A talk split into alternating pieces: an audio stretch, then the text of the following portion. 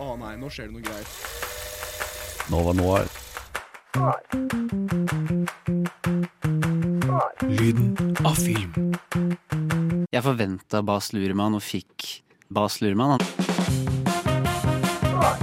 Stopp en hal nå, skal vi begynne å leke. Det skal være visuelt bra. Jeg har sett uh, tre filmer. Morbin, Morbin, Morbin, Morbin. Nova Noir på Radio Nova. Sjangeroverskridende, du vet ikke helt. Postmodernistisk. Vi skal snakke om hvordan De bare satt og diskuterte. Da, da var jeg sånn OK, dette her var litt gøy, men dette er gammelt allerede. Eh, kommentarer på samfunnet og sett siden sist. Jeg har heller ikke sett Taxi Drivers. Jeg har heller ikke sett Taxi Driver. Nova Noir. God velkommen til dagens episode av Nova Noir. Det er tilsynelatende torsdag, og klokken er mest sannsynlig ti. Og jeg sitter i studio her med mine vakre, flotte kollegaer. Jeg har Anne til høyre for meg. Hallo. Jeg har Hedda rett ovenfor meg. Hei, hei. Og jeg har Maria bak The Ones and Twos, aka Spakene, aka Teknikk. Hun er grunnen til at vi har lyd. Vi er veldig Jeg, jeg tør ikke å prate for eh, alle andre, eh, det er en dårlig uvane jeg har. eh, Er veldig gira på dagens sending. Vi har nemlig skrevet en liten essay til hverandre. Og ut ifra den essayen så har vi valgt eh, filmer. Så eh, det blir veldig spennende å se hva vi har valgt for hverandre. Vi vet jo selvfølgelig det, for vi måtte jo se filmen eh, først. Heldigvis, dessverre. Så det blir jo på en måte dere da som må glede dere til å eh, høre om hva vi syns om disse forskjellige filmene. Så eh, før alt det så gleder jeg meg til å høre hva dere har sett siden sist.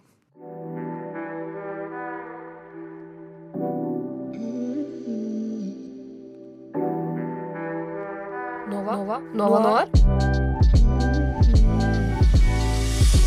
Har du fucka med noen filmer i det siste? Har du fucka med noen filmer i det Sett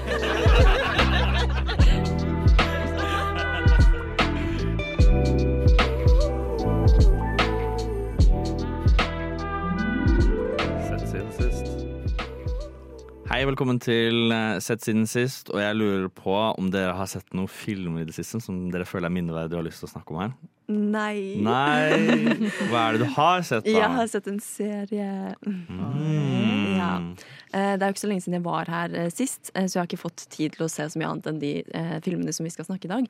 Så derfor så jeg første episode av Makta i dag tidlig mens jeg spiste frokost. Um, Og hva syns du? jeg, ah, jeg hadde altfor høye forventninger. Um, Jeg har bare hørt bra ting om den. ja, jeg Fram bare til hørt dette øyeblikk. Ja, uh, og det kan altså sånn Jeg kommer sikkert til å like det mer og mer, men uh, jeg bare uh, Jeg hadde for, forventninger om at det skulle være skikkelig morsomt, og så syns jeg ikke det var så morsomt. Eh, hva syns du, Hedda? Ja, for jeg har også bare sett én episode av Makta Det er denne juks. uken. Du, du sier det samme som alle. Men uh, jeg syns den både er veldig kul, den prøver å være litt meta, men den er også litt dårlig. Eller Ja. ikke så god som folk har det. I hvert fall manuset sliter jeg litt med. Jeg syns hun prøver å gjøre altfor mange ting samtidig. Ja, det er akkurat det. Men samtidig så syns jeg det er veldig ferskt. Og det er, sånn, det er noe nytt som jeg ikke har sett før, fra NRK, Ja. Om politikk. Og da blir jeg litt sånn Jeg, jeg må jo se mer. Uh, og jeg syns jo hun som spiller Gro Harlem Brundtland, hun, og hva heter hun, Katrine Tuborg Johansen, er helt nydelig i Ja. serien. Jeg syns hun bærer serien. Enig. Og så syns jeg alt annet som blir gjort, er litt sånn meh. Ja, jeg syns det var veldig sånn, og det er er sikkert meningen, men jeg syns det var veldig sånn kjedelig sånn gubbestemning helt til hun kom. Eh, og så eh, begynte jeg å se liksom starten av andre episode, og der var hun enda mer. Og så føler jeg at liksom tonen eh, satt litt mer, og det var litt morsommere. Ehm, ja, og ting, ting litt, gikk litt fortere, kanskje. Ja. Ehm, Det eneste er jeg, Så langt jeg har sett, da, så er ikke hun det morsomme. Og det syns jeg er litt kjedelig, for det er liksom Det er gubbestemning. Det er bare menn som er morsomme i Ja. serien. Enn så lenge. Men, men jeg syns hun er den morsomste. Ja. Jeg vet ikke hvorfor. Det er bare, kanskje bare sånn personlig smak. Jeg har ikke noe å komme med, dessverre. Ja. Jeg har verken Men- sett filmen Nei, serien. Regi- Regissøren av hvert fall episode én. Det er Yngvild eh, Sve Flikke, og det er hun som har regissert eh, 'Kvinner for store herreskjorter' og 'Ninja Baby', og jeg elsker de filmene. I hvert fall 'Ninja Baby' anbefales. Så da ble jeg veldig gira på å se mer. Så Ja. egentlig min eneste grunn til å se serien. For jeg bryr meg ikke noe om politikk. Ja. Jeg tror det er derfor jeg ikke er publikum i denne serien. Fordi jeg, jeg, skjønner, jeg skjønner ikke hva de snakker om. Ja. Og, og det metagrepet som du nevnte, det syns jeg er kjempemerkelig. Jeg skjønte ikke, Det kom helt ut av det blå, som plutselig eh, Ja, i slutten av episoden. Ja, ja. Men jeg er veldig spent på liksom, hvordan de kommer til å bruke det. Men Kan det være en bra innføring i politikk? Eller er det bare tull? Um, Siden du sier de ikke er opptatt sånn, av de har politikk. jo, det er jo satire, så de har jo på en måte eh, samfunnskommentarer der, liksom. Mhm. Eh, men eh, jeg vet ikke. Det er jo Ja, nei. Nei, Er dette en serie for noen som har lyst til å bli litt interessert i politikk? Liksom? Mm, nei, jeg tror kanskje ikke Nei, det. Ja, Eller jeg tror ikke man Oi. blir sånn optimistisk av det. Det er jo lobbyvirksomhet og helvete som bare Ja, jeg liker jo ikke politikk. Eller sånn, jeg gjør, men jeg gjør ikke. Jeg syns det er mye sånn snakke mer bak rygg enn foran og litt sånn. Og det syns jeg det på en måte bekrefter litt. Den der dårlige tanken jeg har om politikk, blir liksom bekrefta i serien. Ja, det er det. Som er litt dumt, da. Ja. Men eh, hvis du ikke vet noen ting om Arbeiderpartiet, så tror jeg at du fortsatt kommer til å synes det er en morsom serie. Ja, det tror jeg. Jeg er en Arbeiderpartimann Mm. eh, selv, så kanskje jeg skal vurdere å se den likevel. Eh, jeg har sett en ekte film siden sist, så, eh, så jeg kan snakke litt om det. Og jeg har sett uh, Pass Laus. Jeg var på Vega-scenen og så Pass Laus. Eh, Det var jeg òg. Det var Hedda også, men hun ville bare ikke snakke om det. Eh, og jeg vet ikke, jeg syns den var eh, ganske god. Ganske god, men ikke Ganske helt. Hva var det du manglet? For jeg har også sett den, bare så sagt, men jeg så den for kjempelenge siden. Jeg vet, ikke, jeg vet ikke, det er vanskelig å si hva noe mangler, egentlig. Um, jeg syns kanskje ikke slutten var så fantastisk bra som folk skal ha det til. Oh, Det var, det var ganske kult, men det er liksom sånn, jeg får liksom ikke helt Jeg ikke, jeg begynte ikke å hylgrine. Det var en bak meg i salen, hun begynte å hylgrine. Uh, og da ble jeg nesten litt mer bevisst på at hun begynte å hylgrine, enn at, uh, hva som skjedde i slutten. Ja. Så jeg kan ikke si at det var uh, min favoritt, årets favorittfilm, liksom. Men jeg syns det var ganske mye kule, bra replikker. Og jeg syns forholdet mellom de to eh, skal man si love interesten. Mm -hmm. Det blir kanskje litt sånn Det blir eh, litt grunt å kalle de det, men eh, Hovedkarakterene. ja, de to mannlige hovedkarakterene, da. Ja. Fordi eh, jeg syns ja, de, de er litt mer enn bare love interests. På en måte. Eh, jeg syns kanskje den dynamikken var veldig bra. Det likte jeg veldig godt. Jeg synes jeg var liksom, Ikke realistisk, men realistiske gåstegn. Ja. Uh, og så syns jeg hun var kjempeflink eh, skuespiller, hun som spilte hovedrollen. Nå vet jeg ikke hva hun heter, men hun var veldig flink i hvert fall. Mm. Hva syns du, Hedda? Du så den også, men jeg, Ja. kanskje du likte den litt bedre enn meg? Jeg, jeg er jo egentlig ikke noe glad i sånne romantiske filmer, og ikke noe glad i den derre tropen uh, right person, wrong time. Men jeg har liksom tenkt mye på filmen i etterkant, og jeg syns den har liksom satt mye mer preg i Mm.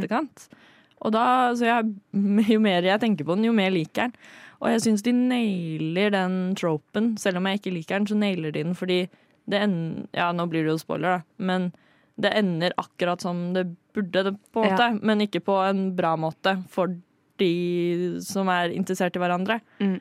Eh, og jeg har drevet og sagt yin- yin-yang. Eh, nå kan jeg ikke koreansk. Um, Det er helt riktig uttale. Perfekt uttale. men jeg liksom Jeg har vært um, sånn uh, love-guru for mine venninner, og så har jeg bare vært sånn Å, forresten, yin-yang er en ting. Og så begynner jeg liksom å Som er konseptet i filmen om liksom sånn eh, møter fra tidligere liv som til slutt ender opp med at de gifter seg. Mm. Ja, du må ha 9000 yin-yang med noen for å være sjelevenner i dette liv. Ja. Og, Søkt konsept, spør du meg. ja, og jeg bare tenker at hvis jeg har noe yin-yang med noen av mine kunder på der jeg jobber, så blir jeg fly forbanna, fordi det vil jeg ikke skal skje.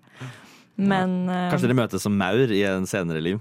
For det er- jo tydeligvis det òg. Det er ikke bare Ja. ja, det Eller er- fugler. Eller fugler. Mm, Mm. Kanskje.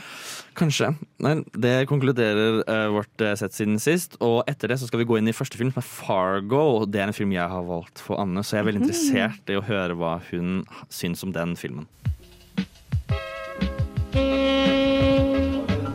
Alle tre, og så kommer Edmund og bare What the Og har du sett Parasite? Ja. Har du sett Parasite? Du vet når hun gjør den der, den der huskeringen sin? Å, shit, shit. Uh, Nova Noir.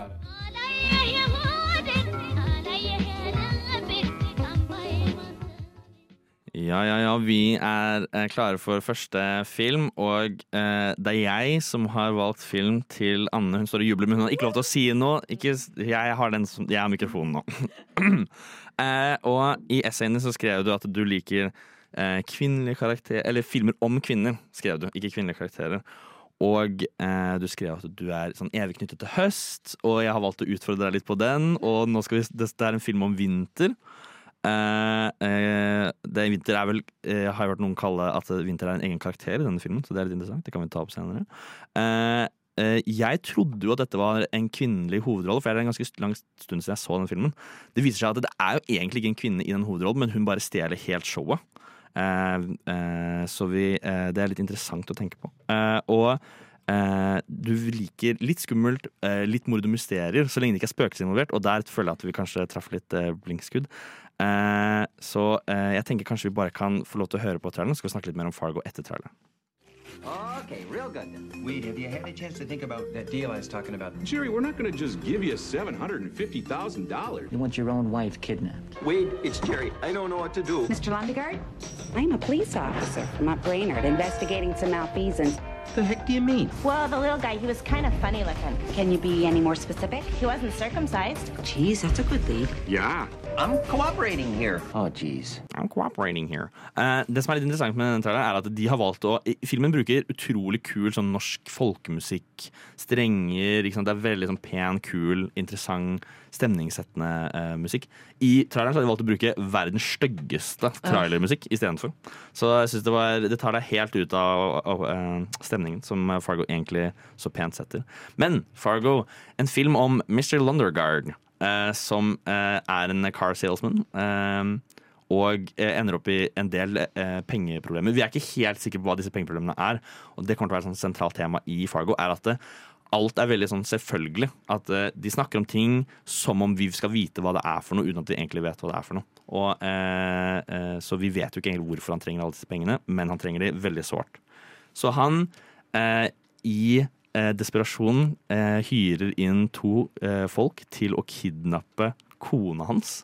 For å så lure faren til kona til å betale eh, disse kidnapperne eh, 40 000 dollar. Da. Og så skal han da klare å beholde resten av milliondollaren sjæl. Fordi han da han, eh, prøver å tjene inn ganske, håve inn ganske mye penger her.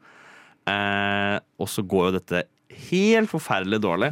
Og det er veldig viktig at Mr. Lundergaard er jo hovedkarakteren i denne filmen. Men det jeg husket, er at Margie er hovedkarakteren i denne eh, filmen. Så jeg trodde at jeg valgte en, en film med en kvinnelig hovedkarakter til deg, Anna. Og det gjorde jeg ikke. Nei. Men eh, vi kan jo snakke litt om hva vi eh, syns om denne filmen. Hva jeg syns om den Ja, filmen. Skal jeg avsløre det med en gang? Take it away. Bare, hva er dine første inntrykk? Um, mitt første inntrykk er at uh, jeg tror, eh, eller jeg mener, at det er en veldig god film. Det er en veldig god film. Jeg er helt enig. Ja. Helt enig.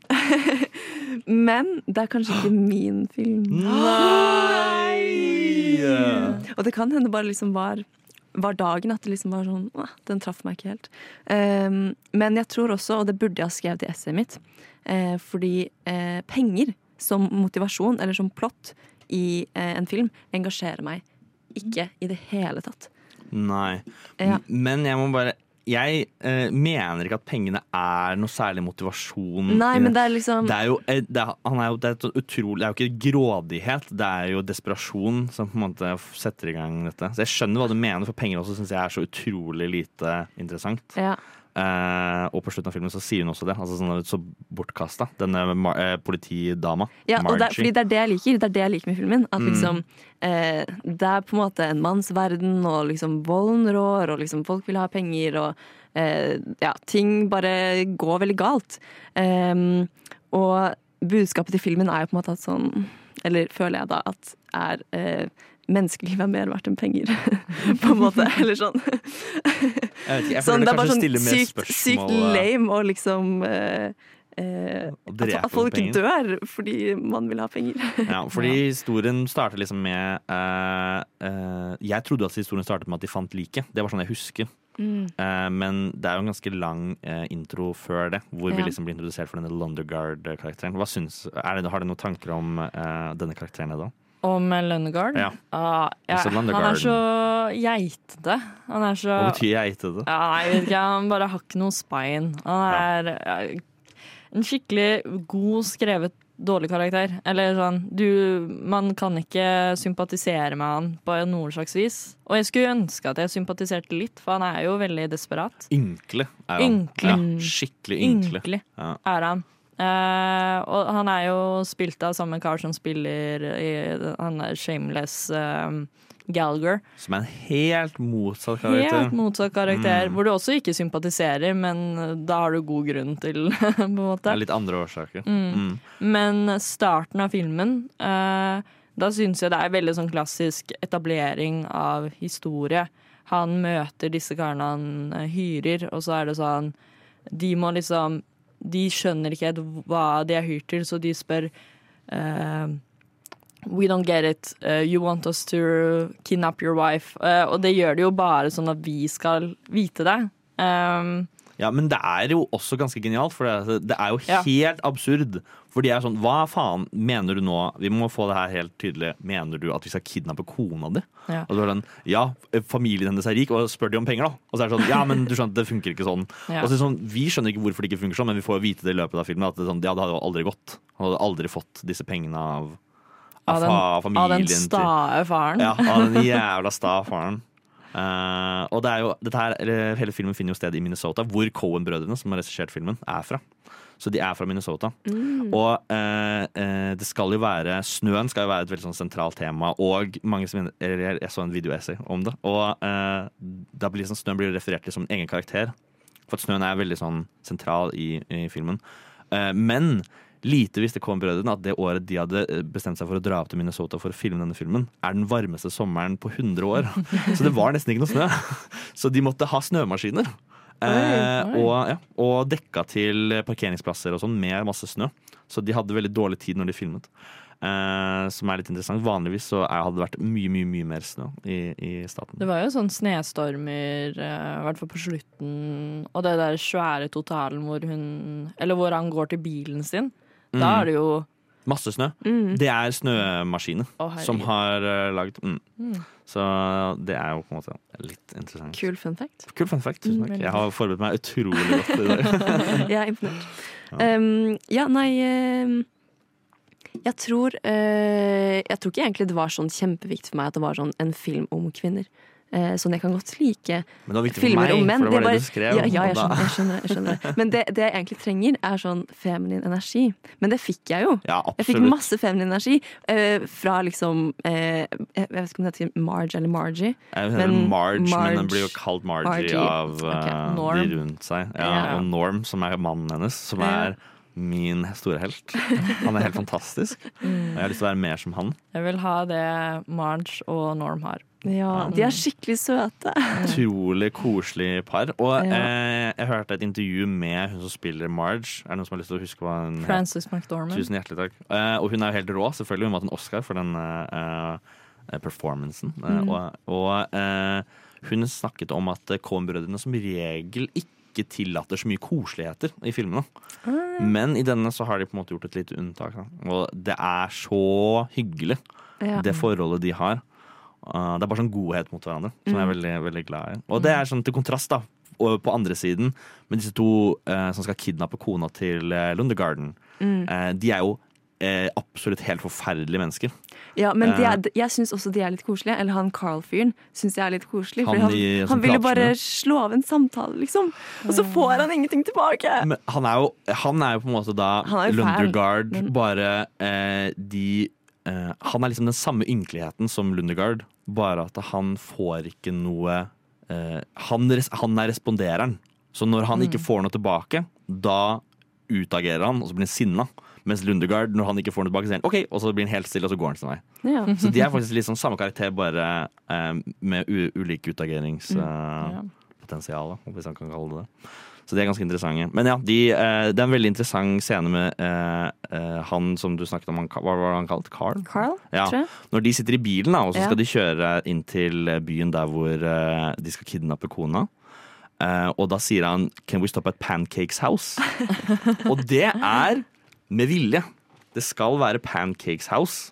Uh, og det var veldig viktig, for jeg vet ikke, det skulle si noe om han. da Men han, skulle, han er svensk i filmen også, Ja. så det er litt interessant. Mm.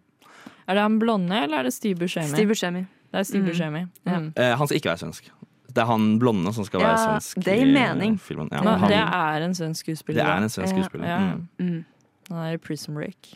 Mm. Ja, ikke sant. Det er, Det er også han Norm. Han eh, som spiller Norm, er også i Prison Break. Mm. er han det? Ja. ja. Det er, han spiller den derre forferdelige politimannen som jeg ble så sint på at jeg sluttet å se. Er det samme Oh, karakter? yes. Oh, yes. Wow! Mm. Det syns jeg kanskje er den dårligste serien som flest liker. Prison Oi, Break. Ja. Prison Break, Jeg synes det er kjempedårlig. Vi kan sikkert snakke om Jeg, vet jeg, eh, så den på, Break jeg, jeg så den på videregående før jeg hadde noe Jeg også. smak. Eh, og det, det er jo faktisk en, en serie uten, uten eh, smak. Eh, men ja, det går jo helt forferdelig med denne kidnappingen. Ja. Det viser seg at disse to eh, kidnapperne ikke bare er litt udugelige, men de er også utrolig slemme. Uh, og uh, ender opp med å Hvem skulle trodd at uh, noen som driver med kriminalitet, ikke har så mye medfølelse for andre. Eh, ikke for å uh, minimere problemene deres til Men ja, de er skrevet ganske Karakterene i denne filmen er veldig ensidige. De er veldig enkle, og det liker jeg veldig godt. Det er veldig tydelig å se hva motivasjonen deres er. og sånn. Eh, og de finner ut at de har lyst til å presse ham for mer penger, og så blir det problemer når faren til Lund Nei, ikke faren til Lundegarden, men faren til kona til Lundegarden involverer seg i denne kidnappingen og har lyst til å ta over eh, forhandlingene. Og da går det ganske dårlig. Mm. Mm, blir jo, han blir jo skutt. Så det er jo på en måte en eh, skikkelig nedoverspiral av eh, ting som Ja. skjer. Det, han, ikke sant? det handler om hvordan vi verdsetter penger mer enn vi verdsetter menneskeliv. Ja, det er helt sykt. Det er egentlig litt interessant, ja, interessant å si, for det, det første han gjør når han får høre at hun har blitt kidnappet, er jo å spørre om de kan eh, Om de kan senke mengden penger de har lyst til å har lyst til å betale. Han spør kan vi, være, eh, kan vi ikke spørre å gi dem 500 000 istedenfor. Ja. Som er ganske sykt å si når, kone- nei, når dattera di blir eh, Det er det hun har vært. Mm. Det er det hun har vært. Men jeg syns jo eh, Ja, det går dårlig når han prøver liksom å forhandle til mine penger, men det går jo dårlig fra sekundene de prøver å kidnappe, hvor han liksom Han ser jo inn i stua og leter etter henne. Og så Det scenen er så bra. den er så bra, og hun er, ser jo han For hun ser på TV, og hun bare ser han og bare var sånn Hva i alle dager er det han driver på med? Og så bare slår han i ruta og går inn, og hun bare Oi! Han bryter seg. Som er veldig, veldig morsom. Men de kjører jo eh, en bil, og så blir de stoppa av politiet. Og så skyter de politiet. Og så prøver de å liksom putte den eh, kroppen i bilen igjen, og da kjører det en annen bil forbi. Så du må jo drepe de, ikke sant? Så det blir jo liksom Og det er vel egentlig der jeg føler historien begynner. Der, er For det er der politibetjent Marge, Margie, aka Margie, som blir introdusert. Og det er jo hun som stjeler skikkelig showet i, i eh, denne filmen. For da, ja. For jeg, jeg har jo også sett denne filmen før, for mange år siden, og jeg husker også at hun var hovedkarakteren. Er ikke det interessant? Så det For er jeg veldig Ja. Ja, jeg, jeg, jeg har bare sett den nå én gang, og jeg også tenkte at hun var hovedkarakteren. Ja, men jeg, det er jeg ikke. brydde meg ikke om han Lundegard i det hele tatt. Han er på en måte den som setter i gang problemene, Ja, ikke det er ja, så The Instigator. Uh, mens hun er jo absolutt bare Hun er så utrolig sympatisk, kul karakter. Ja. Ja. Men har dere sett No Country for Old Men? Fordi det er jo liksom Å, det er så den teit. Nei, vi jeg vil stille spørsmål. Nei, jeg har ikke sett den. Eh, fordi jeg tror kanskje eh, Jeg liker nok No Country for Old Men bedre, men det er fordi den er veldig sånn mer tydelig på liksom, tonen til filmen. Den går mye mer for den liksom mørke, gritty, eh, dystre stemningen. Mens den filmen her er liksom Det er litt krim og litt action og litt komedie, og så syns jeg ikke at den liksom får til alle de tingene kjempebra. Tror jeg. Ja. Jeg tror kanskje det er derfor den ikke er helt Mm. Ja. Men, Men- ja, fordi jeg sliter Jeg vet ikke helt hvilken sjanger jeg ville ha sagt denne Nei. var Nei, i. det er det. Eh, hvis jeg skulle anbefalt den til noen andre, så er jeg sånn øh, Ja, nei, det er en Jeg tror jeg ser på den som komedie. Eh, det er jo veldig mye mørk humor i den, i hvert fall. Ja. Eh, men jeg vet ikke, kanskje det er i hvert fall ikke en actionfilm, føler jeg. Nei, Fordi action nei. er veldig downplaya. Ja, det er og det er, veldig, det er ikke det jeg sitter igjen med heller. Nei. Det er noen filmer som ikke har noe action, hvor du sitter igjen med en følelse av at det var en actionfilm. Mm. Og her er det jo en del action, eh, quote on quote. Altså det er skyting, og det er bang, sånn, at Ja. de eh, kaster øks etter hverandre og litt sånn forskjellig. Eh, men jeg sitter ikke igjen med tanken om at det er en actionfilm. Nei.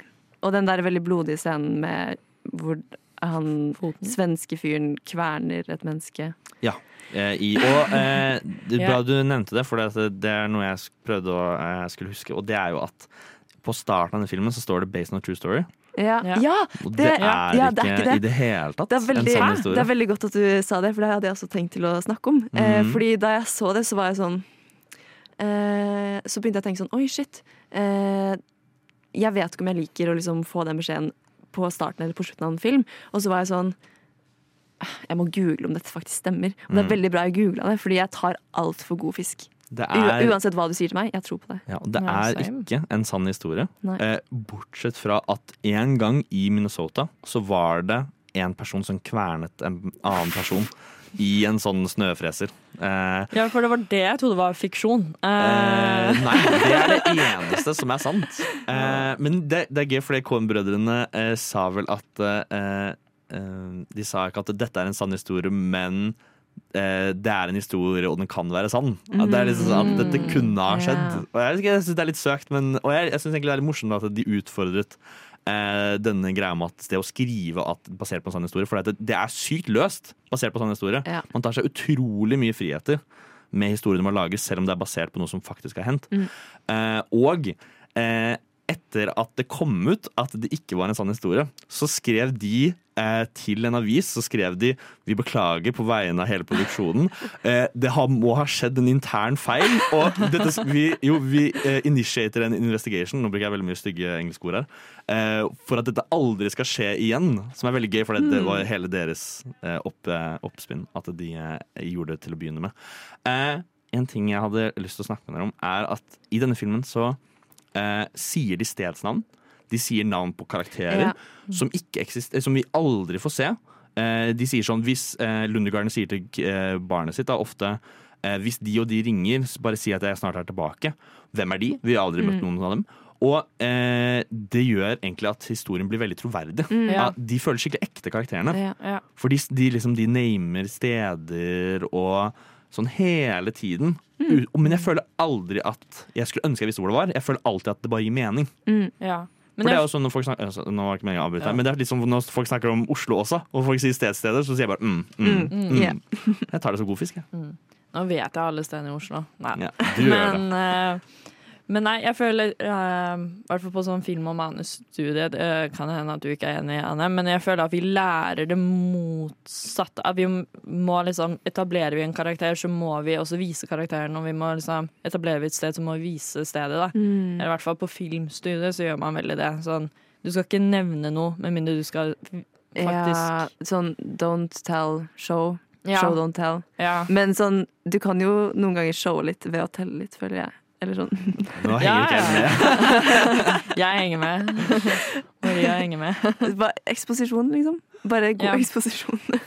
Nei, men jeg, jeg, for meg så gjorde, det, så gjorde historien veldig eh, troverdig. Altså Stedene føles veldig ekte. Karakterene føles veldig ekte. Mm. Eh, og de eh, har jo også en veldig sånn tydelig aksent som eh, Jeg ikke, Ja. følte dere at denne veldig Minnesota-aksenten eh, gjorde Ja, ja, mer alle troverdig eller snakker mindre troverdig? mer, de. Mm. Ja, de alle snakket jo veldig rart, liksom. Og det er jo, eh, når det kom ut, så var folk veldig på at de eh, ikke snakket sånn i Minnesota. Ja. Uh, ikke alle snakker sånn. Ja. Uh, og de følte seg kanskje litt sånn mye, Mange var veldig uh, fornærmet over måten De trodde de hadde parodiert Minnesota, men det er jo ikke sant i det hele tatt. Dette er en litt mer en sånn kjærlighetserklæring til Minnesota fra Cohen-brødrene. Mm. Litt sånn deres egne opplevelser puttet i film. Så det er i hvert fall ikke det som er poenget med filmen. Men uh, Anne, hva sitter du igjen med? Er du, er du glad du har sett filmen? Jeg er skikkelig glad for at jeg har sett filmen, og jeg tror kanskje jeg skal se den igjen. Ikke sånn med en gang, men etter hvert. Og så skal jeg definitivt se eh, flere filmer av Coen-brødrene. Og i hvert fall No Country for Old Men. Den skal jeg se igjen. Eh, Jeg fikk veldig lyst til å se den. Og dere må se den! Ja, Dere må unnskyld, se den. Den er skikkelig, unnskyld, skikkelig. Jeg skikkelig bra. lover. Jeg lover Du burde å se den. anbefalt Jeg den til en av oss. Ja, jeg burde anbefalt den til en av dere. Jeg kan ikke tro at du ikke gjorde det. Ja, dårlig. For vi har, valgt, vi har anbefalt for én person hver, så da, ja. Mm. så da, ble, da passet ikke det. Da kan du vel egentlig skylde deg selv, Hedda, på at eh, din essay ikke passet No Country for Old Men. Eh, Du burde ha skrevet mellom linjene. Du burde ha skrevet mer mellom linjene. Noe som er veldig vanskelig, uh, har jeg hørt. Uh, det er jo for så vidt det KM-brødrene gjør her, da. Med å uh, ikke Ja, jeg skal ikke gjøre det samme. Det er ikke så viktig.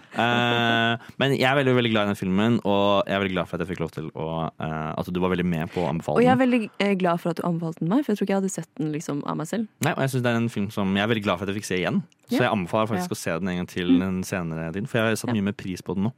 Og eh, hun vant jo kvinnelig, eh, beste kvinnelige hovedrolle for denne filmen. Mm. Eh, som er litt interessant, for at, eh, senere i dag skal vi snakke om en film til hvor hun også vant beste kvinnelige hovedrolle. As she Eh, should. Yes, as she should. Så eh, vi er ikke ferdig med å snakke om Hva var det hun het igjen? Frances McDormand. Frances McDormand. Jeg er ikke-. Ja, men jeg er ikke så god på navn.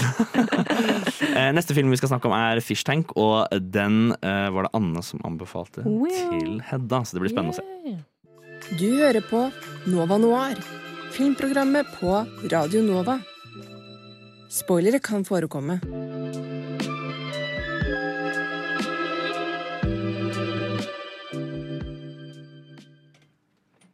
Velkommen, velkommen tilbake til Nova Noir. Nå er det jeg som har gjort kupp. Eh, og jeg skal, jeg skal snakke om eh, filmen som jeg har anbefalt til Hedda. Eh, men først, eh, for å bygge litt eh, mer spenning, så vil jeg eh, snakke litt om kriteriene som jeg fikk av Hedda. Hedda ville se en coming of age-film. Gjerne en film som handler om å finne seg selv, men helst ikke en film om kjærlighet. Og det er vanskelig å finne en coming of age-film som ikke handler om kjærlighet. Og så vil du også ha en film med god dialog og mørk humor. Eh, og en film eh, Du snakket mye om sånn det estetiske uttrykket. Og det er ikke sikkert at jeg liksom skjønte alle ordene du brukte med sånn neon cinema osv. eh, men jeg bare tenkte sånn, ok, da, da kan jeg i hvert fall prøve å finne en film som liksom eh, er filmet bra, og som ser kul ut. Em, og så gikk jeg litt sånn eh, inn i min egen filmkatalog, hvis man kan kalle det det. Eh, jeg vurderte blant annet å anbefale deg å se Maurice eh, med hva er det han heter? Hugh Nei, Grant. Ja, Hugh Grant. Eh, men jeg tenkte sånn, den har du kanskje sett. Og så lette jeg etter noe mer sånn obskurt, for det føler jeg at du liker. Og da tenkte jeg på en film som heter Fish Tank. Fra sånn Når var det den kom ut, egentlig? 2009? Ja. Og det er jo en coming of age-film. Eh, som har fått Jeg vet ikke hvilke priser den har vunnet, men den er liksom omtalt som en veldig god film. Eh, og jeg liker den filmen veldig godt, eh, så derfor anbefalte jeg den til, eh, til deg. Eh, skal vi spille trailer, kanskje? Ja! What's wrong with you? You're what's wrong with me! Don't mind me, girl. Carry on. I'm a friend of your mother's. We're going for a drive. You want to come? Yeah, you're 15 years old. What does it matter if you like someone? Aye, aye. Something tells me you're up to no good.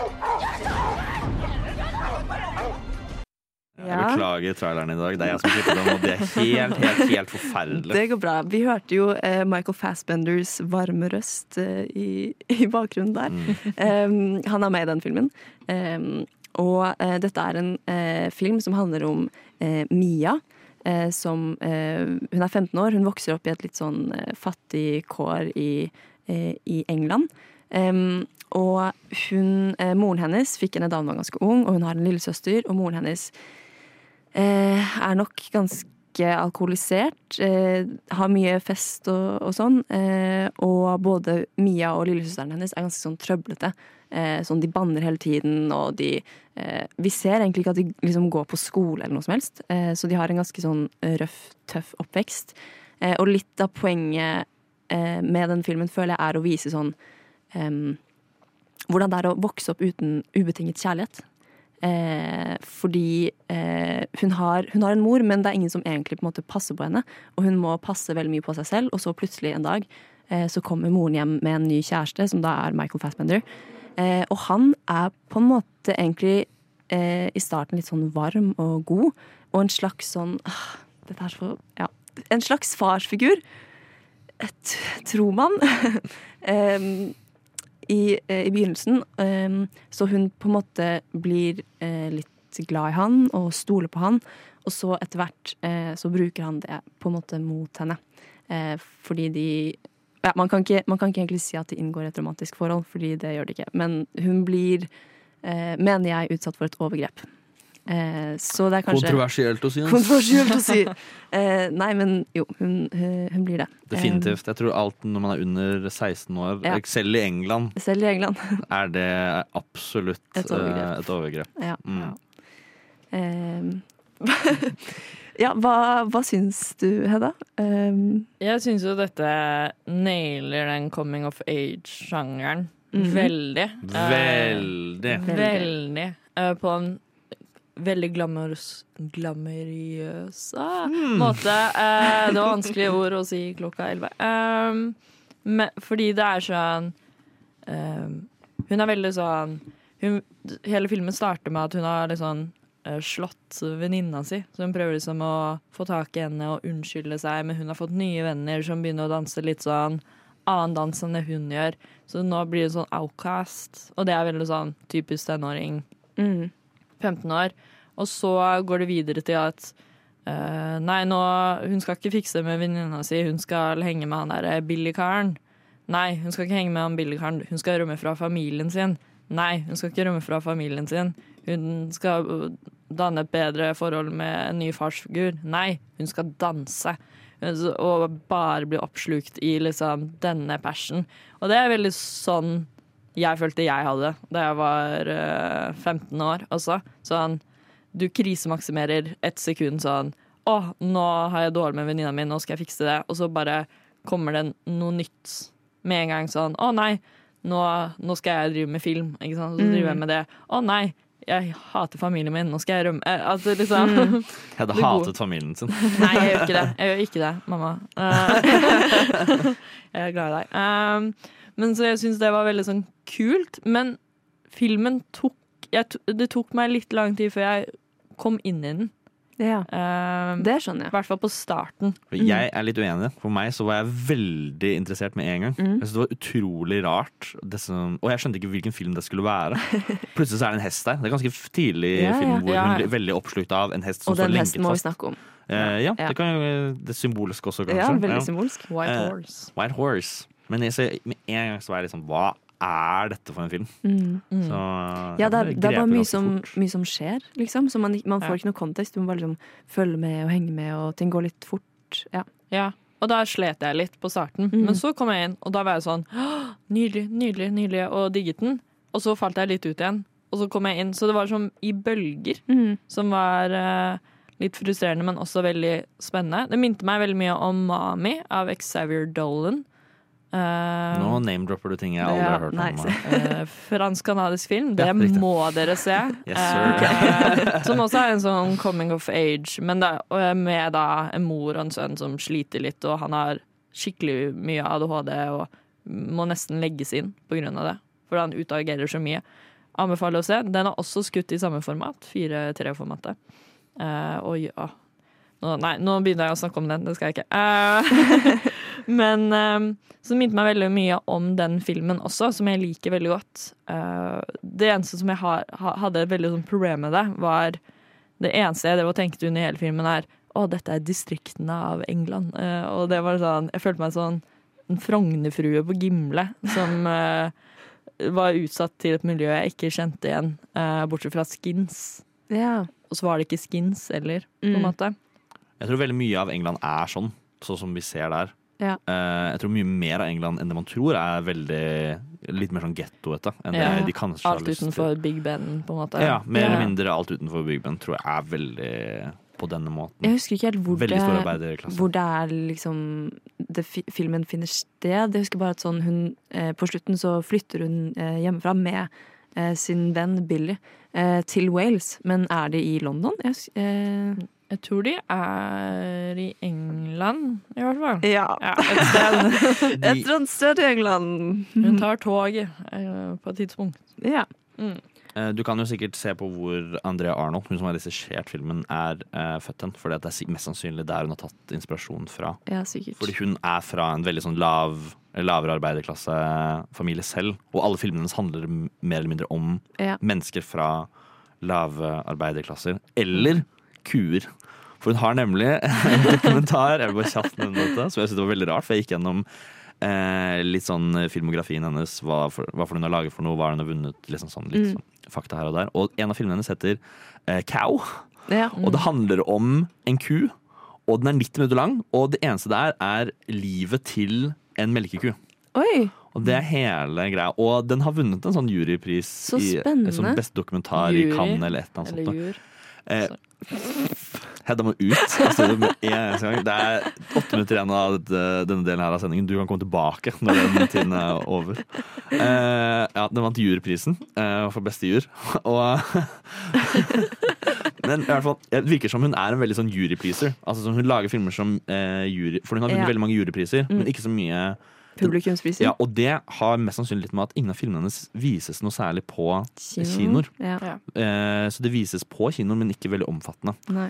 Eh, så det er ikke en film som Det er veldig rart, for dette det virker som en film som er accessible for veldig mange. Veldig mange. Eh, og jeg, jeg tenkte på det når jeg så filmen, at det, dette er en fantastisk bra Den gjør Coming of Age så mye bedre enn så mye jeg har sett. Mm, ja. Eh, og det er en fantastisk interessant film. Ja. Bare laget på en sånn skikkelig rar måte. Og helt utrolig bra skuespill.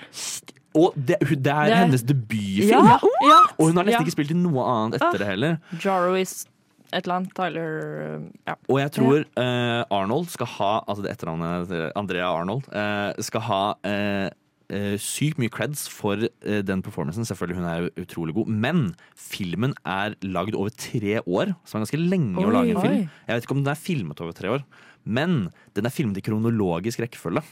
Så alle scener er filmet etter hverandre er for å hjelpe skuespilleren med å ta én eh, dag av gangen. Så hun ble presentert med én dag hvert med manus hver dag. Og så filmet de da samme dag eller dagen etter det hun hadde lært seg den dagen. Så Oi. alt er veldig sånn Hun lærer det hun skal lære på dagen, og så filmer de det. Wow. Så, ja. så jeg tror det kanskje har hjulpet litt med å en veldig sånn uerfaren skuespiller ta ting litt sånn del for del. Ja. Så, så bra research du har gjort. Tusen takk. Jeg har for det meste bare sett et eh, intervju med Michael Fassbender hvor han, hvor han snakket om eh, liksom hvordan han tilnærmet seg karakteren sin. Eh, Altså, det føles veldig naturlig. Ja, veldig, ja. Jeg tror bare for egne opplevelser. Føles veldig naturlig. For han er da den som Ja. over, overgrip, forgriper seg, heter det. Ja. og den unge jeg var, jenta. jeg var litt sånn skeptisk. Han snakket om sånn at han på en måte følte at karakteren sin bare sånn tok ting litt som det kom, og ikke tenkte seg så mye om. Som jeg tenker er en litt sånn ukritisk måte å stille seg til en karakter du spiller, når, du, Ja. når karakteren din gjør sånne ting. Um, og så snakket han også um, fordi uh, det er jo en sexscene mellom han og hun eh, skuespilleren som da sikkert var sånn Hun var 17 år. Okay, det- det er filmet for så det er Så det er, ikke liksom, det er ikke helt forferdelig, Nei. men hun var ikke 15. Hun var det var hun ikke. Nei. Eh, og da sa han at eh, han liksom eh, prøvde å lage sånn chill stemning ved å bare sånn cracke masse jokes. Så forferdelig. Men og det er derfor ja. vi nå nesten alltid har en sånn sex... Intimitetskoordinator. Ja, intimitetskoordinator på hvert sett. Ha det. Ha det blir preacha veldig av de som gjør sexscener. Jeg føler Ja. det er ingen bedre til å fortelle om hvordan det funker, enn de som må gå gjennom disse forferdelige scenene selv. Ja. Ja. Ennå ikke en standard i norsk film- og TV-bransje. Enda. enda. Men det er liksom Men det mer kommer. på vei. Det kommer. Ja. Så Nei, men jeg syns den var veldig, veldig fin. Um, jeg var veldig, veldig redd, fordi du sa jo ifra at det Mhm. var overgrep.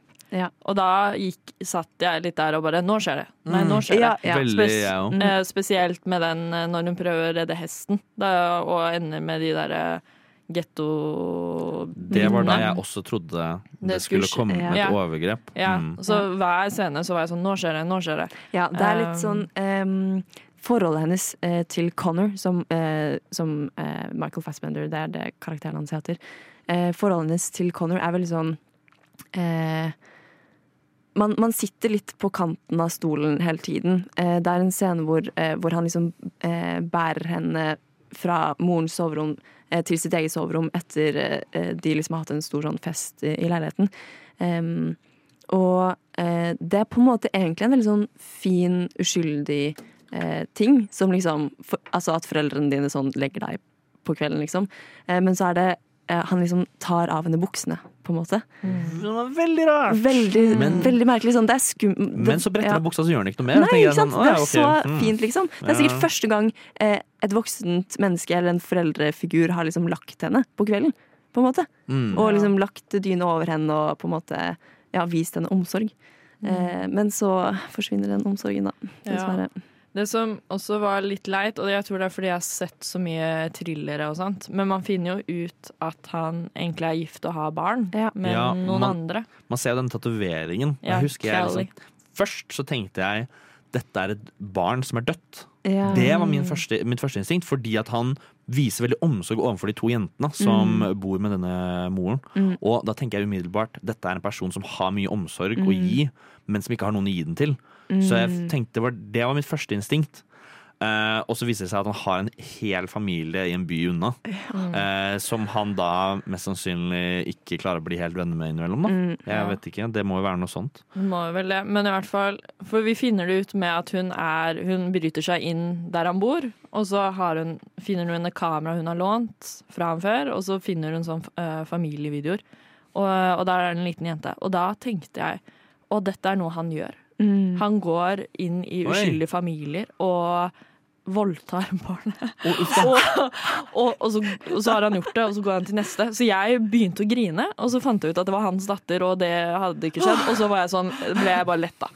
Men jeg tenkte sånn å nei, dette, hun er en av mange ofre. uh, men det her tror jeg bare er en sånn skrekkfilm. Ja, det falt meg ikke inn. Nei, det falt meg inn. Kanskje vi ser på litt forskjellige typer filmer. Jeg tror det er bra, jeg. Um, men jeg syns jo Åh, nei. Fordi der skjer det jo noe helt sykt. Ja. For det første, når hun ser den videoen og finner ut at han har en datter, så tisser hun på teppegulvet deres, som jeg I applaud. Ja, as Det- should. as you should. Jeg var Men- så ukomfortabel gjennom hele den sekvensen her. Altså. Jeg synes det var helt forferdelig. Og så, mens hun er, har brutt seg inn i huset deres, så kommer familien hjem, og hun datteren liksom er ute og holder på med sparkesykkel. Eh, Så det hun gjør, er at hun kidnapper datteren til Connor. Det er helt vilt. Men hun er, al- hun er ganske Hun er en lur jente. Hun er en lur jente. Hun, ja, absolutt. Så eh, det er ganske imponerende gjort. Ja, men så, eh, ja. Hun tar henne liksom med seg til, Ja, en, til en åker, og så liksom til sjøen. Der de liksom begynner å krangle. Og så dytter hun datteren ned i havet. Ja. Eh, og heldigvis så på en måte eh, klarer hun å eh, redde den lille jenta igjen, da, og på en måte tar henne med tilbake.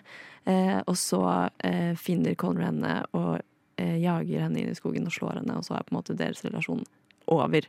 Um, Og jeg syns, jeg syns det var litt fint at hun ble liksom bare slått én gang, og så på en måte dro han. Eller ja.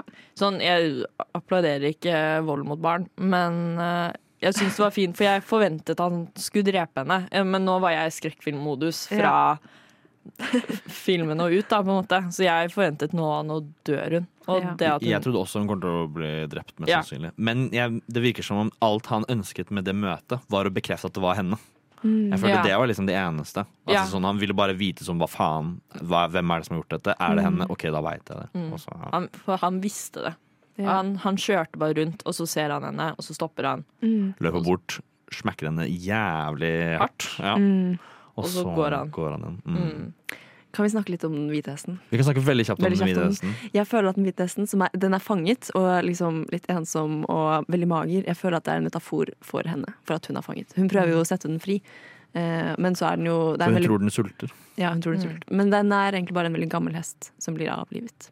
Eh, ja. Ja. Og det er jo her hun møter på en måte denne andre personen som hun ender opp med å dra fra familien med. Ja. Eh, Hun, forlater, hun forlater sin fish tank.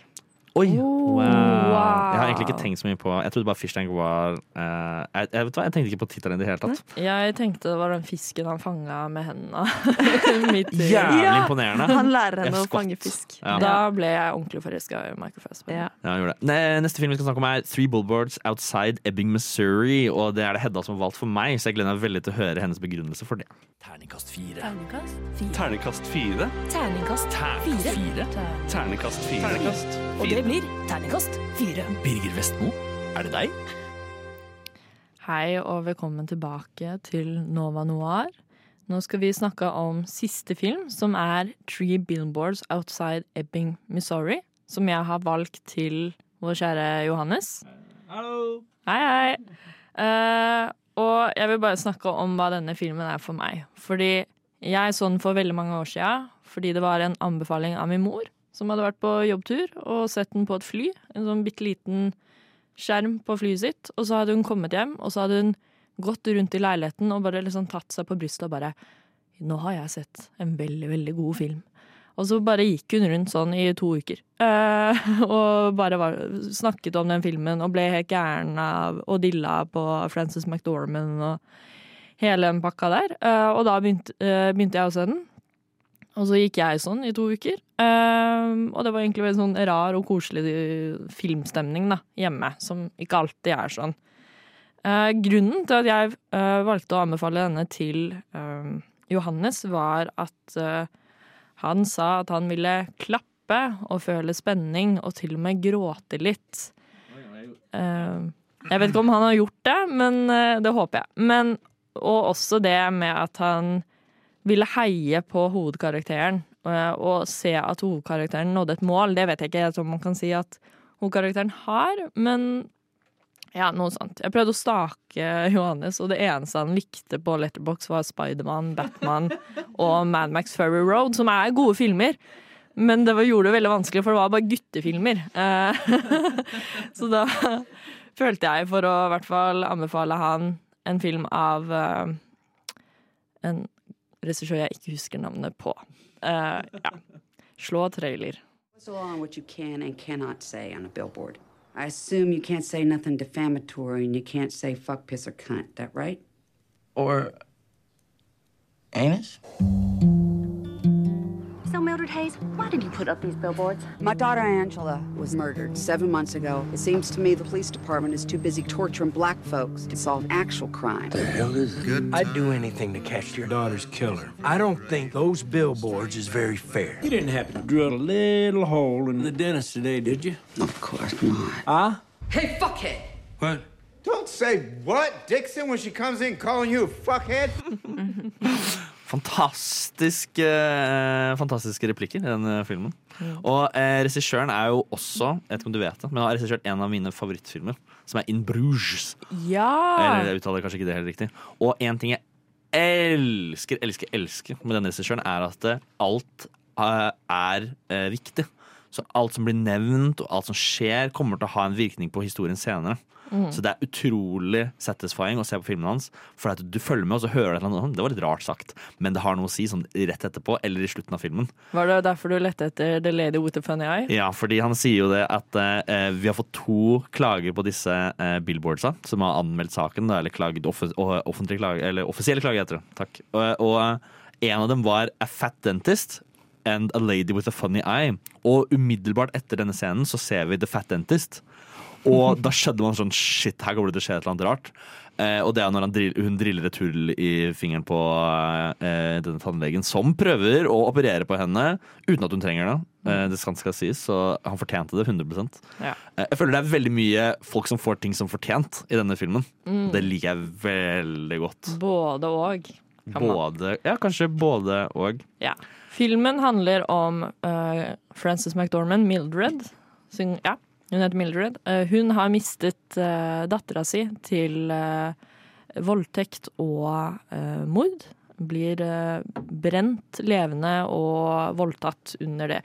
Eh, ja, veldig ille, tragisk død. Og det er da Det skjer under noen sånn forlatte eh, billboards-plakater rett ved der hun bor. Mildred og sønnen og dattera. Uh, og så har det gått syv måneder, og det har ennå ikke skjedd uh, en uh, Ingen har blitt arrestert. Ingen har blitt arrestert. Det er helt stille. Så det hun gjør, er at hun uh, går til Ebbing uh, Hva heter det? Reklamebyrå.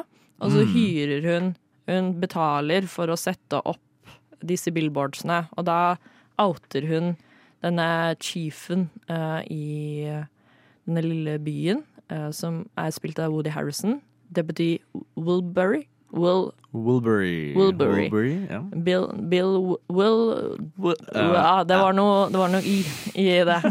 Det var ikke lett å si. Uh, men uh, hvor uh, det er, Hva er det som står? Det står 'Raped while dying and still no arrest. How come Deputy Wilbury'?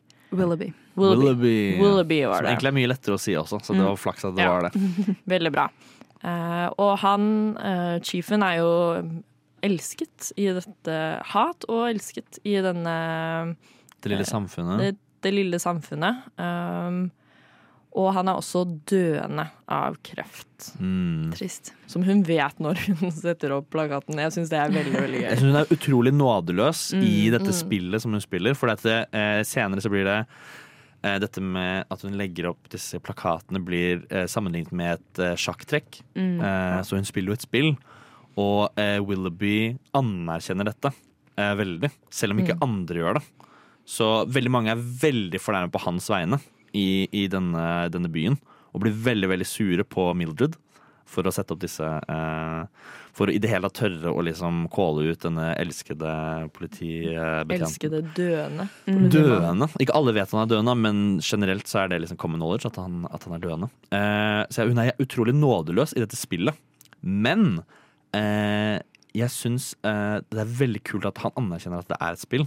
Og spiller et trekk tilbake. På, men en, en av favorittscenene mine er når hun blir arrestert. Eh, for, Ja. Fordi hun har drilla et hull i fingeren på eh, den tannlegen. Eh, som er helt rått, egentlig. Hun er helt rå. Hun er så kul. Hun er så utrolig kul i denne filmen. Eh, jeg elsket å følge med på henne. Jeg synes Alle scenene hennes var kjempebra. Eh, hun minner meg litt om bare sånn alle kule damer. Ordentlig sånn, bare helt rå. Men utenom det. eh, så er det i et avhør I et avhør eh, eh, så snakker Willoughby sammen med henne, og han liksom gir henne sitt trekk, da. At eh, han vil at hun skal ta ned de, og da, da eh, Det er liksom hans ønske. Men han er jo dødssyk, og han klarer å hoste blod. Han får et sånt der anfall eh, hvor han plutselig blir veldig mye dårligere. Og med en gang det skjer, så switcher hun fra dette sånn der harde ytre som hun setter på for å spille dette spillet, Mm, mm. eh, til en veldig sånn omsorgsfull dame. mm. Og jeg synes det er så kult, for han også dropper maska helt med en gang. Og så er Mm. det sånn 'sorry, det var ikke meninga'. Ja. Og hun bare sånn 'jeg vet, jeg vet, det går bra'. Mm. Og eh, det er så kult hvordan de har så mye eh, respekt for hverandre. Ja. Til Ja. å liksom til å bare Det er så tydelig at dette her handler ikke om der, dem personlig, og Mm. begge to anerkjenner det. Ja, de begge har liksom hver sin jobb som de må gjøre. Mm. Men så er de jo på en måte bare mennesker under overflaten, de òg. Liksom. Ja. De separerer spillerne fra spillet veldig, Veldig. godt. De to gjør det veldig de godt. to, Og alle de andre gjør ikke det. Absolutt ikke. Absolutt ikke, for alle blir jo fornærma. Det er en veldig emosjonell tilknytning til hendelser i denne byen. Og eh, det er han officer Dixon som er, også er Han ender jo opp med å bli en av hovedrollene. eh, Ja. I denne filmen, Noe som jeg ikke så komme til å begynne med. For han er liksom en sånn tapersk politimann Mm. som har eh, eh, Som åpenbart tydeligvis da har torturert en, en, en afroamerikaner. Eller nei, sier man kanskje ikke. En mørkhudet mann eh, i eh, i Ikke le av meg. I fengsel. Eh, og eh, eh, så sier han Willoughby veldig sånn litt sånn humoristisk, så sier han Eller det var kanskje ikke ment humoristisk i filmen, men uh, sier at det var det ingen eh, konkrete bevis for. Er sånn på Det var altså sånn, mest sannsynlig gjorde han det, men vi klarte ikke å bevise det 100% Ikke at vi prøvde så veldig mye. Ja, men han får fortsatt lov til å være politimann, Ja. ja. som er helt sinnssykt. Mm, ja. Eh, men han ender jo opp med å ta, ta litt spotlightet. Og det er veldig morsomt, denne, eh, fordi hun, eh, Mildred, kødder veldig med han. Og er veldig hard og sier sånn her uh, Torture Denny, og så bruker hun n-ordet, da, lately. -hmm. Og så sier han sånn Actually, it's called persons of coloring torturing. Litt sånn pent sagt, da. Sånn, Man kan faktisk ikke si igjen ordet lenger. Ja. Skal han liksom være liksom Ja. Så uh, han er veldig sånn spesiell karakter. Litt, litt dum. Ganske dim, Ja, han- pent putta på engelsk. Han er jo eh, på en måte ganske fæl, eh, og man har ikke så veldig mye sympati for han. Eh, og Til å begynne med null. Til å begynne med null. Ja. Og han liksom eh, bor jo sammen med eh, moren sin, som også er en helt bare forferdelig rasist, liksom. Mm. Ja. Eh, men så liksom underveis i filmen så skjønner man at sånn Oi, dette er en veldig ensom person. Ja. Veldig. Veldig. Og han blir tatt under vingen av denne Willoughby-fyren, som viser seg å være en utrolig fin fyr. Ja, Synes jeg i hvert fall. Og det er veldig morsomt. Han sier også jeg må bare ta, Det er så mye bra replikker i den filmen. Hvor han sier sånn her eh, Men hvis vi skulle tatt bort alle som har liksom slightly racist Hvis vi skulle tatt bort alle som er sånn litt rasistiske fra politistyrken, så hadde vi liksom hatt sånn tre stykker igjen, og alle de er homofober. så, så du skjønner at det går liksom ikke. Ikke, Det er bare så utrolig mye sånn uh, spot on-replikker Ja, i, i denne filmen. Det var også noe sånn uh, Hun der uh, Mildred så sa en eller annen gang at sånn Hun syntes det hadde vært liksom bra hvis sånn med en gang menn gjorde noe feil, så kunne man drepe dem. Og da tenkte jeg sånn da, da, hadde ikke, da hadde vi ikke hatt så mange igjen. Ja, for det, hun sier vel at uh, 'stick them on, on them', eller 'sticker on them', et eller annet Ja. sånt. Hvor hun prøver, mener at man skal liksom ta blod- og sædprøver fra alle Mm. nyfødte barn Ja. Ja. Viktig kontekst. I aldre, sånn at med en gang han gjør noe feil, krysser referanse, og så dreper, Ja, dreper dem. det er jo åpenbart at hun på en måte Hun overdriver, Hun overdriver. veldig. Ja, eh, Men hun er veldig hard i disse eh, Hun kjører sitt løp, og alle som prøver å liksom Ja. utfordre henne, får veldig hard blir veldig hardt kjørt tilbake. Men hun har en veldig sånn egentlig myk introduksjon, syns jeg. Hun har en eh, Jeg la merke til at de har en eh, sånn Save the Cat for henne. Eh, I starten. Mm, ja. En, en bille En bille. i vinduet som ligger Mm. på ryggen sin og liksom dør, og så på en måte bare forsiktig så velter hun den over, sånn at den ja, kommer seg på bena igjen. Mm. Og det tenkte jeg sånn, å, nå setter de liksom sånn intensjonen for det hun skal gjøre, den filmen her. Mm. Eh, og det syns jeg var veldig koselig. Hun skal liksom gjøre ting eh, riktig. Mm. Fordi eh, i din essay om deg selv, Johannes, så sa du at du er ikke så glad i sånn veldig strong and independent karakterer som Mm. holder det veldig lenge, men jeg syns hun er på en måte både og. Hun viser de myke sidene noen ganger, og så hun, har hun det spillfacet som er veldig strong and independent. Og hvis hun ikke hadde liksom switcha og mistet det spillfjeset mange ganger, så hadde hun vært grusom karakter, Ja. tenker jeg da. Men det at hun redder billen og har det litt rare forholdet med sønnen sin, og, som egentlig er veldig fint også. Ja, men jeg, jeg, jeg, jeg ser ikke på henne som en sånn strong independent typisk karakter. For, Ja, for hun du- virkelig liksom, Hun bryr seg veldig om de Mm. rundt seg. Mm. Og det er veldig tydelig. Det er veldig tydelig at hun later som, eller at hun spiller det for ja, å hun legger på en fasade. Og det, ser man veldig, og det er veldig viktig at de har disse scenene hvor det er veldig tydelig at hun gjør det. For Mm. at vi skal skjønne det. For jeg gidder ikke å stå og spekulere uten at Mm. man vis, det vises noe bevis for at hun er sånn. Men det blir vist at hun er veldig omsorgsfull til i bunn og grunn. Som nesten alle er. Og jeg føler eh, En ting jeg syns var veldig interessant med denne filmen, er at gode, eh, dårlige handlinger eh, eh, inspirerer andre dårlige handlinger. Det går alltid veldig, veldig Mm. dårlig. Ja. Eh, eh, eh, Venninna hennes blir arrestert. Eh, så, så slår hun tilbake med et eller annet, jeg husker ikke akkurat hva det var i forbifarta. Men så blir eh, billboardet hennes brent ned. Mm. Og hun tror jo at det er en fra politistasjonen. Det viser seg at det ikke er det, at det er eksmannen hennes. Ja. Eh, som også er en dritbra scene. Den scenen hvor hun eh, eh, approacher eksmannen på eh, en, en restaurant. Eh, og du ser bare frykten i eksmannen. Fordi at eh, eksmannen har jo banket henne mange ganger. Det er liksom, det er eh, canon, på en måte. At vi får høre det, da. At det Mm. er noe som har skjedd. Eh, men, Så han er voldelig. Men hun er utilregnelig. Man skjønner aldri hva hun kommer til å gjøre. Mm. Og når hun da hun, Han banker Nå slo jeg etter mikrofonen, jeg ble så gira. Eh, han banker henne i hennes eget hjem. Mens hun, hun tør å stå opp foran hele skolen til sønnen sin og sparke folk som, Mm. gjør, eh, som kaster brus på bilen hennes, i balla, liksom. Hun, Og du, kan aldri, du kan aldri skjønne hva hun skal gjøre. mm. Ja. Akkurat det greiene der er kanskje det jeg likte minst med filmen. Bare sånn fordi eh, ah, jeg, syns, jeg syns de håndterte den volden med ikke, Altså, kjemperart. Liksom. Det er en scene hvor, eh, hvor han eksmannen kommer inn hjem i huset hennes med liksom den nye kjæresten sin på slep. Som er 19 år. Ja, og så krangler de, liksom. Og så eh, tar han sånn kvelertak på henne, liksom. Og, og det blir på en måte nesten som en sånn slags gag. Eller sånn, det er sånn, det er så- det er nesten så sånn åpenbart- komisk, på en måte. Ja, men det er så åpenbart at det har skjedd så mye. Det er liksom det jeg føler det var. da At det er liksom sånn Hun, hun er så vant til det. At det skjer. Ja, ja, nei. Jeg syns, jeg syns bare liksom sånn at, eh, at den volden ble liksom sånn tatt veldig useriøst av filmen. Mm, jeg vet ikke, jeg føler det var litt sånn grunnen til at hun var så hard. Mm. At hun klarte å lage sånn så hardt ytre. Men kanskje vi ja, kanskje. Nei, min personlige mening. Min personlige mening. Det er lov. Ja, men, eh, og så kommer det til disse gode hendelsene, som da eh, igjen høster andre gode hendelser. Og da Officer Dixon, som er den minst sannsynlige allyen til Mildred, ender opp på hennes side.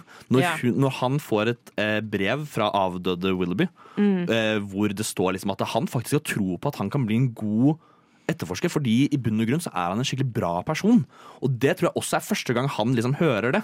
Akkurat sånn som i Shark, eh, nei, Fish Tank, Mhm. hvor Ja. hun endelig får litt bekreftelse. Mhm. Og her også så er det en person som definitivt aldri i hele sitt liv har fått noe særlig bekreftelse på at han er noe bra i det hele tatt. Ja. Og så får han liksom høre fra sin helt, den Mm. eneste personen han respekterer med noe annet, at du er en bra person. Ja, det er første gang noen tar ham på alvor. Og da flipper han helt. Og i slutten av filmen Vi får jo aldri dessverre høre hvem som eh, eh, ble eh, Hvem som drepte og voldtok dattera til hovedkarakteren vår. Men det er kanskje ikke helt poenget, fordi det er, liksom, det er også en sånn sammensveising av, av byen. Da. At de to som er mest uvenner, ender opp med å liksom kunne eh, eh, bli venner igjen. Da. Så jeg syns egentlig det var litt sånn, litt sånn vakkert. Jeg elsker slutten. Eh, Det er en åpen slutt, men det er en åpen slutt på en fantastisk måte, fordi Mildred og da Dixon eh, bestemmer seg for å kjøre til Wyoming, tror jeg det er. Ja, et Eh, eller annet. et eller annet, en sånn naboby.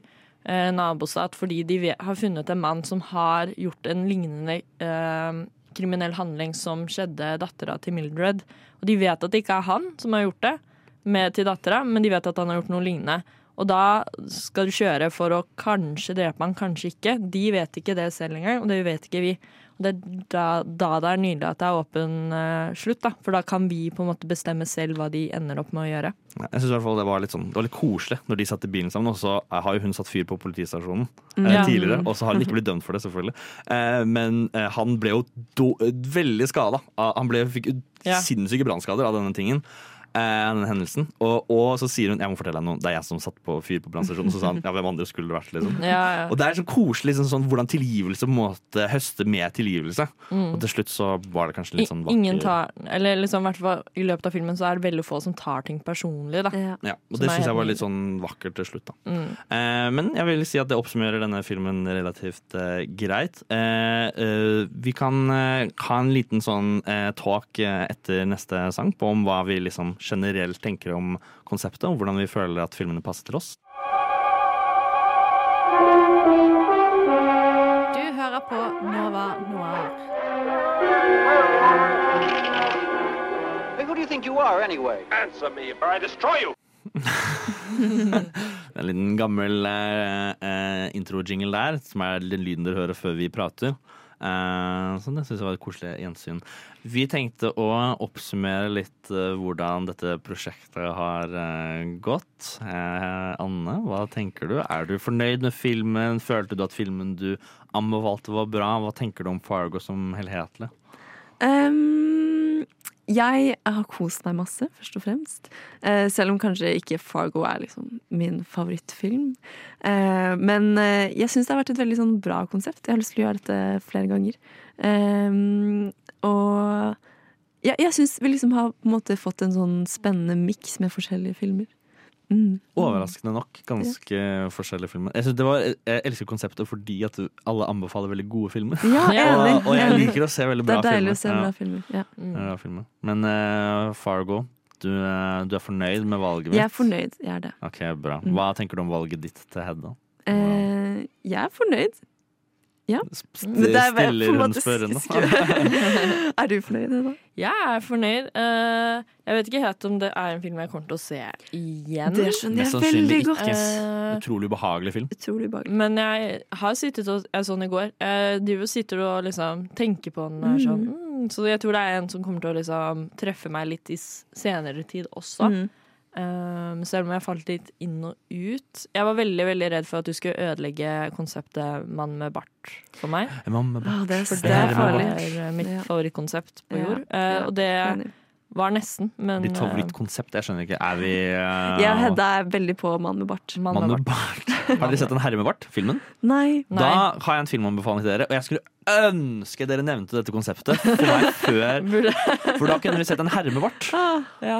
Ja, okay. Neste sending. Neste men sending. eh, jeg syns konseptet har vært veldig gøy. Jeg liker alle filmene vi har sett. Og, men det har også vært veldig sånn skummelt, fordi det er alltid skummelt å anbefale en film Ja. generelt uh, som man selv syns er veldig bra. Og så Ja. er det sånn Den er veldig bra fordi du er den du er. Så den skal liksom Ja, Den skal fange deg. deg. Og det er veldig sånn skummelt. Men Ja. jeg syns du fanga meg i et 4-3-format. Så bra. Oh. Som var Så, veldig så bra. Jeg føler kanskje at Fishtank er sånn en kul film å anbefale. Så det, nå har dere sett den, så det er dere kan anbefale den til andre også. sant. Nå kan jeg det- imponere filmbros and girls. And, Yes. ja. Hva tenker du om filmen du anbefalte meg? Tror du, eh, følte du Jeg var kjempestressa for deg. eh, for det Som var, det burde være. Ja, Uh, men jeg uh, Jeg syns jeg naila det. men det er fordi det er en veldig bra film. Det var Eh, kjempebra film. Mm. Ja, jeg tror det hjelper. At filmen bare er skikkelig bra. Ja, hva syns du? Nei, jeg føler egentlig du traff ganske blinkskudd. Jeg vet ikke om det var eh, på grunn av min essay eller ikke. Kanskje du bare eh, anbefaler veldig bra filmer. Eh, Jeg tror det er det. Ja, dette mest sannsynlig. eh, men jeg syns filmen var kjempebra. Jeg likte den kje veldig, veldig godt. Eh, og jeg, jeg nøyt veldig å se på den, og jeg syns den var utrolig spennende. Og jeg elsker når filmer er veldig spennende, og man har veldig lyst til å se hva som skjer. Så jeg, hadde, eh, så jeg lagde mat midt i, og, og så var jeg liksom sånn Jeg har ikke så lyst til å lage mat, for jeg har bare lyst til å se filmen ferdig. Eh, så jeg vil eh, si at du traff eh, relativt eh, bra. Men klappet du? Følte du spenning? Jeg og gråt du litt? klappet ikke, men jeg gråt litt. Oi! Du gjorde det? Mm, jeg gråt litt. Nydelig. Jeg Når da? Når- Eh, når i filmen? Ja, si det. Det husker jeg ikke så godt. Hele. Jeg tror, ja, hele. Hele. Ja. Mm. Jeg tror Jeg, jeg syns veldig synd på han Dixon og sånn. Jeg syns det var litt vondt. Og så eh, syns jeg den scenen hvor han eh, møter et voldsoffer han har puttet i sykehuset. Ja, Når han møter Det var en sterk scene. Mm, når han møter han Da fikk jeg litt sånn grøsninger. Det syns jeg var uh, ganske fantastisk å Jeg se på. det er favorittscenen min. Fordi at da uh, møter han et voldsoffer som han har, han har utsatt for Mm. vold som politimann, som er Mm. fullstendig uakseptabelt. Jeg skjønner ikke hvorfor han ikke ble arrestert med en eneste gang. Mm. Nei, han fikk sparken. Han fikk sparken, men jeg føler ikke det er helt Det er nok, ikke nok. egentlig. Uh, men han fikk Jeg tror kanskje han, han nye chief sergeant som endte opp med å gi han kanskje skjønte at eh, her får jeg ikke arrestert han uansett, så det er ikke noe vits å arrestere han. Får bare, jeg får heller kjøre saken senere. Mm. Eh, men eh, jeg synes den scenen hvor han møtte da han inne på eh, sykehuset, hvor han selv ble havnet pga. brannsår, mm. Voldsomme brannskader. Eh, Fra Mildred. fra Mildred. Og da opplevde han godhet fra denne personen, fordi han kunne jo ikke se ansiktet hans, Mm. fordi han hadde brent seg i ansiktet. Han hadde bandasje over ansiktet. Mm. Og så tårer han opp, og så sier han unnskyld, unnskyld. Mm. Eh, og så skjønner da dette voldsofferet hvem det er som ligger der. Og allikevel Først så blir han litt sjokka, litt lei seg og fra seg og redd og sikkert alle disse tingene. Eh, men så henter han et glass appelsinjuice, putter sugerør i det, setter det ved siden av han og peker sugerøret mot han. Altså, det, var, det var så vakkert. Det var så fint. Og, og, og du merker da liksom sånn Etter å ha lest det brevet som han da gjorde når han ble brent, endte på sykehus, og så møter godhet fra den personen han akkurat har gjort det mest forferdelige man kan gjøre med en person. Kaste han ut av vinduet. Mm. Så liksom merk, ja, man, man ser det bare liksom sånn Det snur litt i hodet hans. da Man bare skjønner og så hvor dum han har vært. Og så sier Dixon I do white people torture as well. Eller eller. Nei, det, er, det er når han kaster, ut, han kaster han ut av vinduet. Så sier han 'See, I have problems with white folks as Ja, well'. det det ja. eh, Men så får han skikkelig sånn turnaround, og det bare virker sånn innerst inne så er folk gode. Jeg føler det er litt sånn filmen jeg har lyst til å fortelle. Med andre ord, godhet skaper godhet, vold skaper vold. Mm, det har jeg skrevet opp på lapp. her. Oi. Mm, faktisk, Mm. så da vet dere det. Eh, nei, generelt veldig fornøyd med konseptet. Så det var Mm. veldig hyggelig å få lov til å anbefale og bli anbefalt eh, filmen. Og nå snart så skal vi snakke litt om deres anbefaling på Letterbox. Ikke helt anbefaling, men reviews. For jeg har lagd et lite game, så det gleder jeg meg til å eh, begynne med. Og nå er vi drøye! Og så er det sånn, men dere er jo egentlig ikke det. Nova Noir.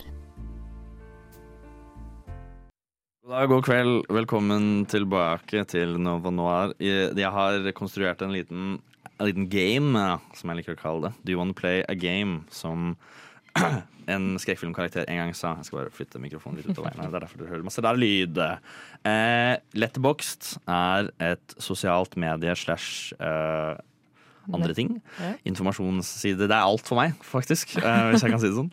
Eh, hvor vi er relativt aktive eh, og skriver reviews om filmer vi ser. Og litt sånn. Men reviews er i gåstegn, selvfølgelig. Det er mer løse tanker som dere kanskje snart kommer til å høre om ulike filmer vi ser. Og jeg har tatt og funnet fram reviews som Hedda og Anna har gjort på sine letterbokser. Og jeg skal lese de opp, og de får ett poeng hver for eh, filmen de eh, Om de klarer å skjønne at det er sin review, Mm. eh, eller klarer å gjette hvem sin review det er. Og så får de ett poeng for eh, om de klarer å lette hvilken film det er. som kommer til å være relativt vanskelig. Mm. Skal jeg bare tegne opp en liten sånn scoreboard, eh, så jeg klarer å Jeg er ikke så god til å telle. Jeg håper jeg er flink i dette. Jeg pleier å stalke meg selv veldig mye på sosiale medier. Ja. Jeg føler vi kommer til å kjenne igjen våre egne. Jeg håper det, men det er plutselig så Jeg tror det kommer til å bli vanskeligere enn eh, Oi. dere først forestilte dere. Jeg har jo på en måte ikke valgt ut de hvor dere er veldig artikulerende. Okay. Jeg har jo valgt de som er litt sånn vanskelig å, å skjønne. Eh, men jeg tenker vi må eh, Dere må låse inn svarene deres, eh, eh, og så dere må, det, Vi går på en honors-program her. Altså Mm. sånn jeg kommer til å si det, og så kommer jeg til å spørre en av dere om å svare først. Men dere får ikke lov til å endre svaret deres. Dere må liksom tenke hva dere skal svare. Okay, ja. Hvilken film. Jeg kommer til å gi dere ti sekunder per eh, Hvis dere er flinke til å prate på radioen samtidig som dere tenker, så kan jeg gi dere litt mer Eller det blir, heller det blir kjedelig å høre på, så kommer dere til å måtte svare. Eh, så vi kan jo right off the bat eh, starte med denne reviewen. Hm, her var det litt for mange kokker, tror jeg. Oi. Ok, Hva eh, er de eh, Skjønner dere hvem det er? Jeg vet hvem det er. Jeg tror jeg også vet hvem det er. Ok, Men eh, da tenker jeg vi bare tar det med en gang. Og så må dere velge film også. Eh, så Hedda, hvilken uh, jeg tror du har skrevet revyen? Jeg tror det er Anne som har skrevet den. Men jeg har null i det hvilken film. An Anne, Eh, er, hvem er det som har skrevet revyen? Det er jeg som har skrevet reviewen. Det er deg som har skrevet revyen. Eh, her har det vært litt for mange kokker. Eh, det er jo eh, eh, sikkert en film jeg ikke har likt så godt, da. Mest sannsynlig. Ja. Du kan en ganske grei score, egentlig. Å ja, hva ga jeg den? Du kan tre. Det er ganske mye. Ja. Eh, Har du sett noen matlagingsfilmer i det siste? Ja, det, nei, det- det er det er ikke matlagingsfilm i det hele tatt. Men nå har det gått for lang tid, og det er nemlig Amsterdam. ja, ok. Oi, det er lenge siden jeg så den. Det Shit. er eh, en stund siden du har sett den. Ja. Jeg var ganske langt nede på letteboksen din for å prøve å få det til å være In the trench. In the In the trenches. Ja. Neste film. Eh, men ass, herregud, men sånn serr, krig er så sykt meningsløst. Hvem er det som har skrevet denne reviewen? Det er meg. Ja, men du må ikke svare! Må... Ja, men, men jeg bare Det er Anne. Ja, ok, greit. Um, kan man gjette hvilken film dette er. Jeg tror det er Unbroken Nei, det er den med Andrew Garfield. Eh, unnskyld. Nå Eh, andre svarer du for Hedda. Vet du hvilken film det er? Nei. Nei, okay, da, greit, da kan du Å få ja, var det ikke meg? Jo, jo, men altså eh, Jeg skjønner Det var ikke ikke- det var ikke tydelig, det var ikke nå prøver du å holde litt tur. hemmelig for hverandre. Okay, Men kan du si sånn Men nå nå- kan du, for det, nå er Hedda åpenbart Greit, vet ikke hva det er, så du kan få lov til å um, jeg husker ikke helt hva den heter, men det er en, en film med Andrew Garfield om liksom andre verdenskrig og amerikanerne versus japanerne.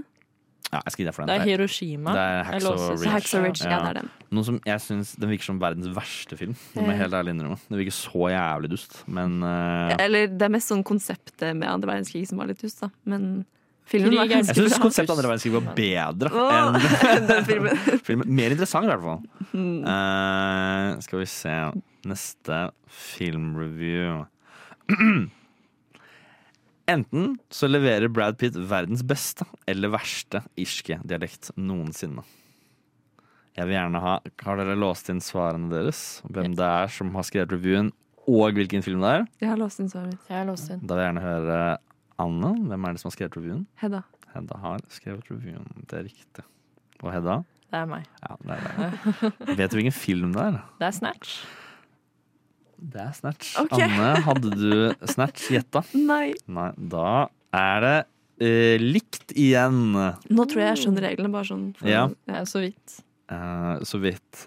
Dette her er en overraskende film å se. Det, føler, det, er så, det er to ord, men jeg føler det er veldig åpenbart hvem det er som har skrevet den. Reviewen går som følgende. Big Slay. Anne. Anne, selvfølgelig. Eh, Ja. Og uh, Jeg gjetter også Anne. ja, og vet du hvilken film det kan Det være? kan jo være så mangt. Det kan være mangt. Det kan være mangt, men Nei, har ikke peiling. The Last Duel. Det er The Last Duel, som jeg er overrasket over at du har giddet å sett. Hva mener du? Den virker Det- så utrolig kjedelig. nei, nei, nei, nei, nei. Dette er en av de mest eh, sånn spennende filmene jeg har sett. Jeg er egentlig ikke så glad i han eh, Ridley Scott som regissør. Jeg syns han bommer ofte, og treffer ofte, men den filmen Jeg vet at, at det er ganske mange som ikke liker den, men jeg syns den er ordentlig, ordentlig, ordentlig bra. Du syns det var en big slay? Ja, Big Slay. Og det er, veldig, det er en veldig morsom review hvis dere liksom ser den, fordi det handler om sånn um, den siste henrettelsen som tok eh, sted i eh, Frankrike. Ja, skjønner, skjønner, skjønner.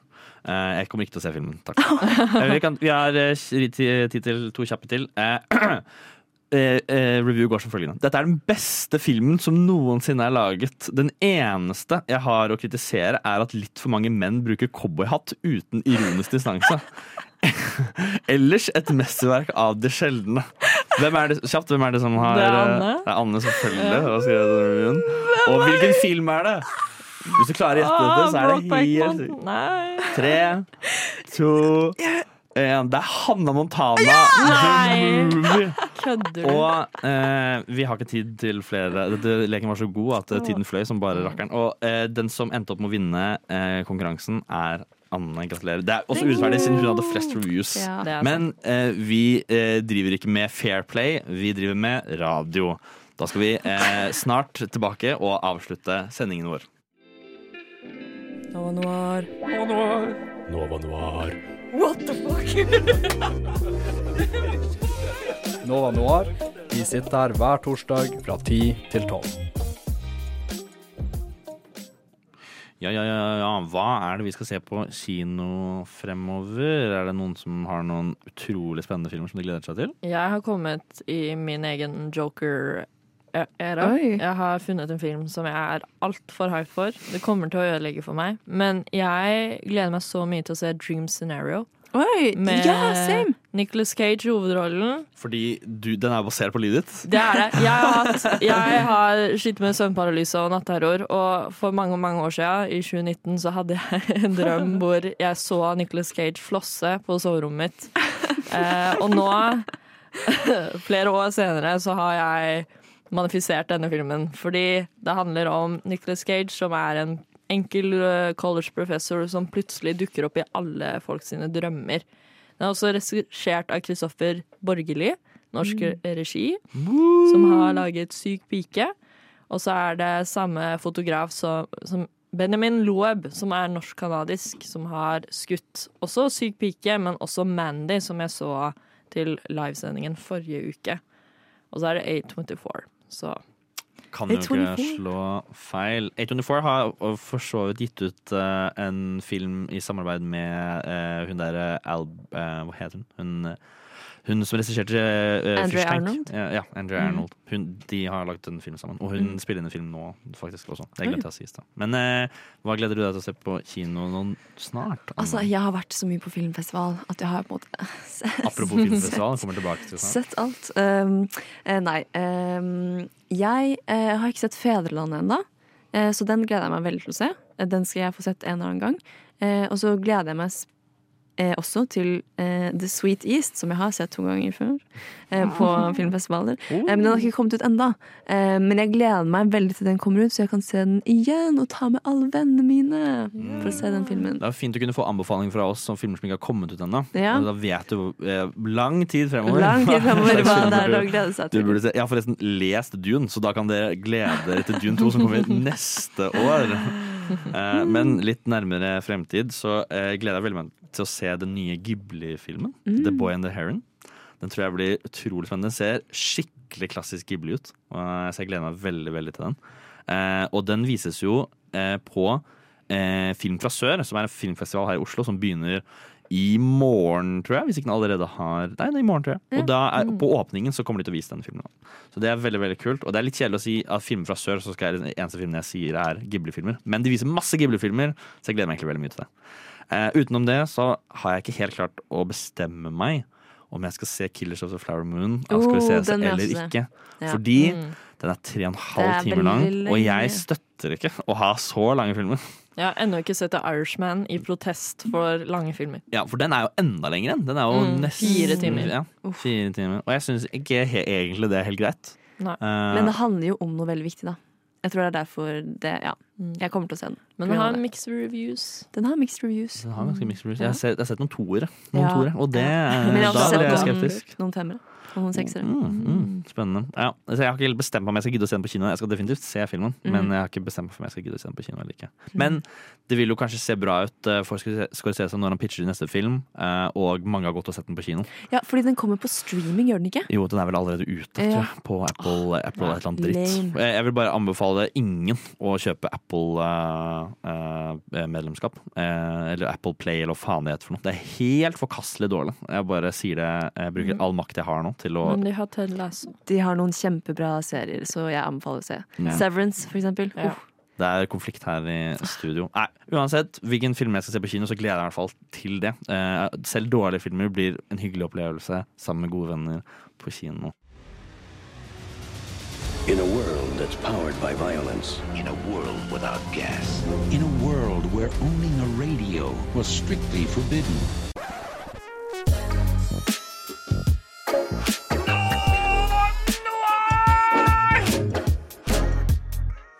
Alle gode, fantastiske og koselige ting må til slutt eh, avta. eh, og nå er dessverre tiden for dette programmet til å være over. Har vi hatt en fin sending? Vi har hatt en veldig fin sending. Veldig koselig. Ja. Jeg er helt enig, men jeg er så glad for at dere også sier det. Jeg har hatt det veldig bra. Nå gleder jeg meg til å spise en god lunsj. Ja. Jeg vet ikke med dere. Eh, Så vi, kanskje vi kan eh, alle sammen si eh, hva vi skal ha til lunsj i kor, og så sier vi ha det. Én, to, tre. Brødskive! Ost. Ha det bra!